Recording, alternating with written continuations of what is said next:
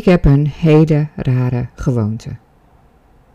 Nou ja, ik heb er meerdere, maar deze is best echt raar.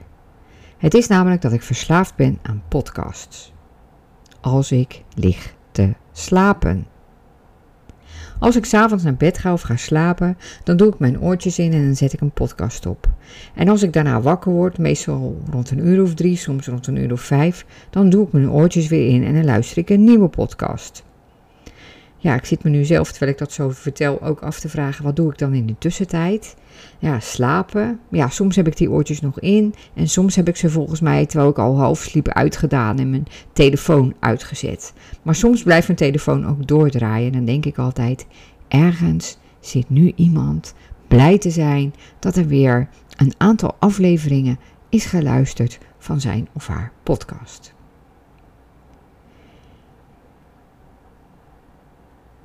Ik denk altijd dat ik best wel lang wakker lig. Maar heel vaak kom ik er dan achter dat ik maar een paar minuten, twee minuten of zo van die podcast heb geluisterd, gehoord. Dus voordat ik het wist, sliep ik al. En bij de ene podcastaflevering werkt het ander dan bij de andere podcast. Dus ik heb zo mijn favorieten. Ik heb favoriete podcast waarbij ik heel snel in slaap val.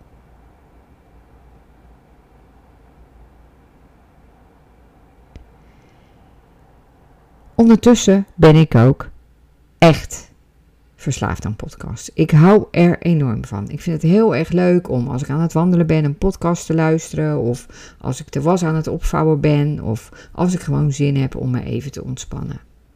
Ik vind het echt een fantastische uitvinding. Maar, je voelt hem al aankomen, die maar. Ik vind het trouwens ook heel leuk om podcasts te maken. Het is een beetje net zoals met boeken schrijven. Iedereen denkt dat hij een boek kan schrijven. En zo is het ook met podcast maken.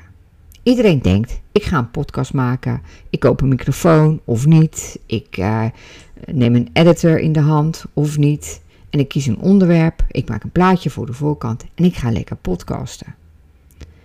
Zo is het ook een beetje met een boek en ik voel me dan natuurlijk ook persoonlijk geraakt, omdat ik mezelf zie als een schrijver ik heb 30 jaar lang elke dag geschreven, elke dag stukken geredigeerd, elke dag mensen geholpen om nog betere, heldere, duidelijker, korte, uh, compacte nieuwsberichten te schrijven. Of mooie, lange verhalen, waarbij het natuurlijk altijd de kunst was om de lezer mee te nemen van de eerste tot de laatste zin, om al die tijd te blijven boeien. En daar had je bepaalde trucs voor, bepaalde methodes. En ik weet wel dat mensen die een boek schrijven, die worden ook vaak geholpen met een, door een redacteur en zo. Maar boeken schrijven en podcast maken, dat is een kunst. Dat is net zoiets als een muur metselen. Dat kan ook niet iedereen zomaar. Want je moet toch echt weten hoe je cement moet maken, uh, hoe, hoe dik die cementlaag moet zijn, welk materiaal je nodig hebt, hoe hard je die stenen moet aandrukken, hoe lang je moet wachten tot, die, tot, dat, tot dat droog is. Uh, ja, hoe je die stenen moet neerleggen. Nou ja, allemaal van die dingen. En dat valt allemaal te leren, maar ik geloof ook nog dat de ene beter kan metselen dan de andere. Dat is met alles zo.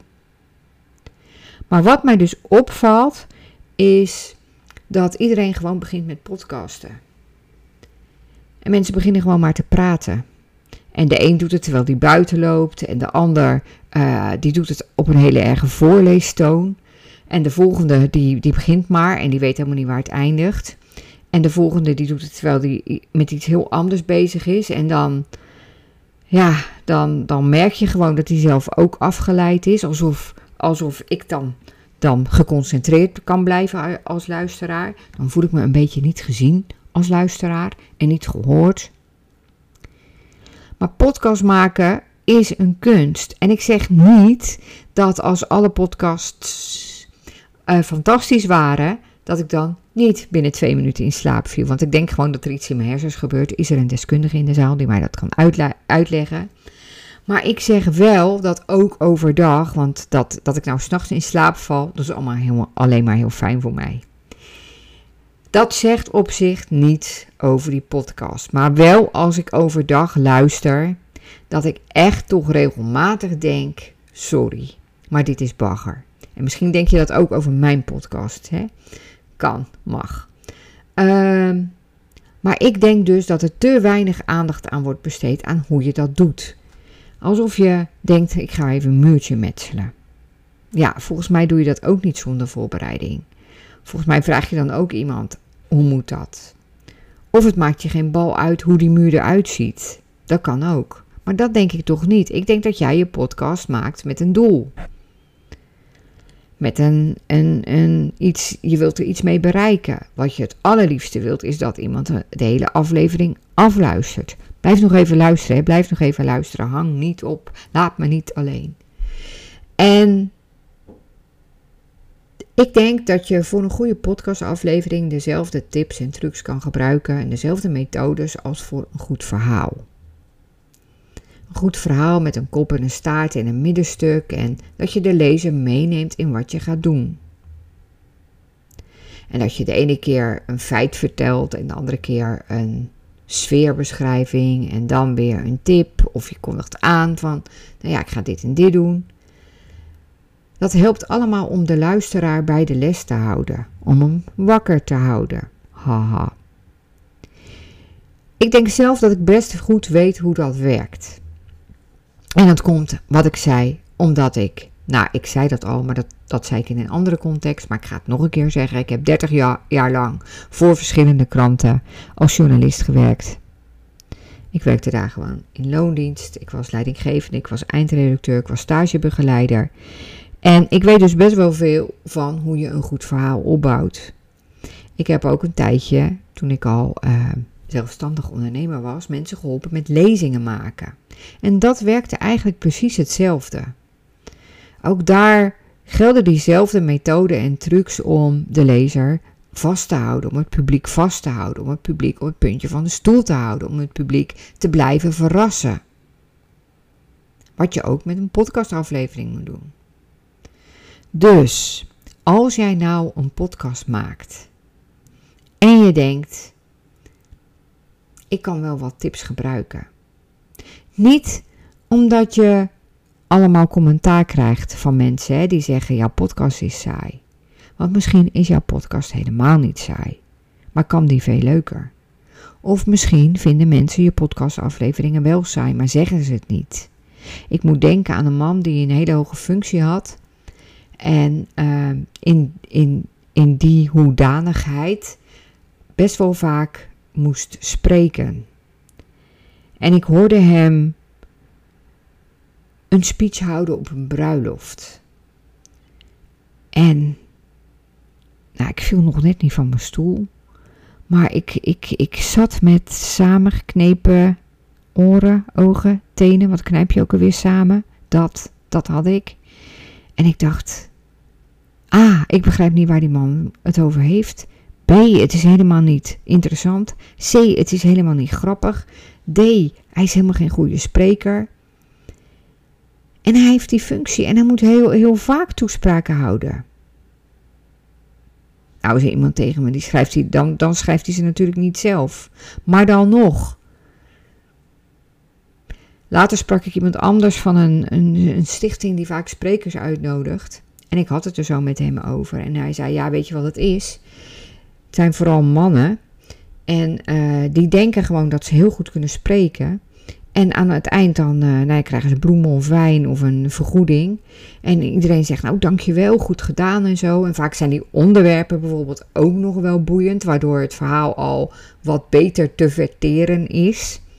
Maar goed is het niet. Maar er is niemand die dat tegen ze zegt.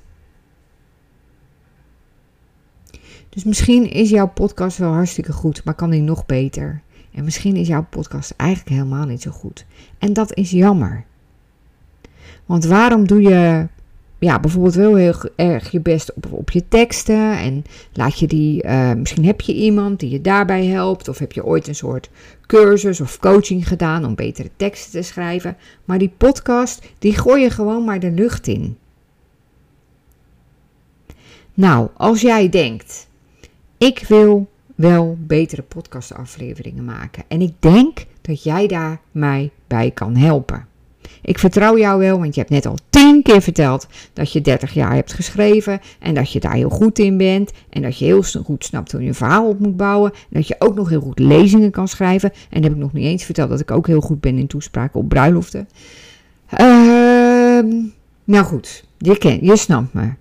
Wil jij jouw podcast ehm, laten groeien? Wil jij dat mensen er een soort verslaafd aan raken? Wil jij een nog groter publiek? Wil jij in elk geval mensen ook raken met je podcast? Wil jij dat die afleveringen doen wat ze moeten doen? Dat je woorden blijven hangen, dat je woorden impact hebben, dat misschien de luisteraar wel een klant wordt? Let me know. Ik wil je heel graag helpen om jouw podcast naar een next level te brengen. En Oh, daar had je weer moesje. Een van de dingen die ik mezelf nu zou uh, aanraden is: doe het even wat korter. Want volgens mij heb je je punt wel gemaakt en die blijf je maar herhalen. Nou, ik heb trouwens nog wat.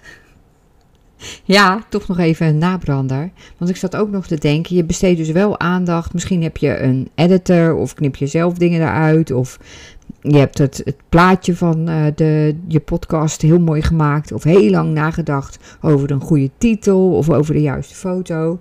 Daar heb je dus allemaal aandacht aan besteed. En misschien bedenk je ook heel, ben je aan het brainstormen over je, op, over je onderwerpen en zo.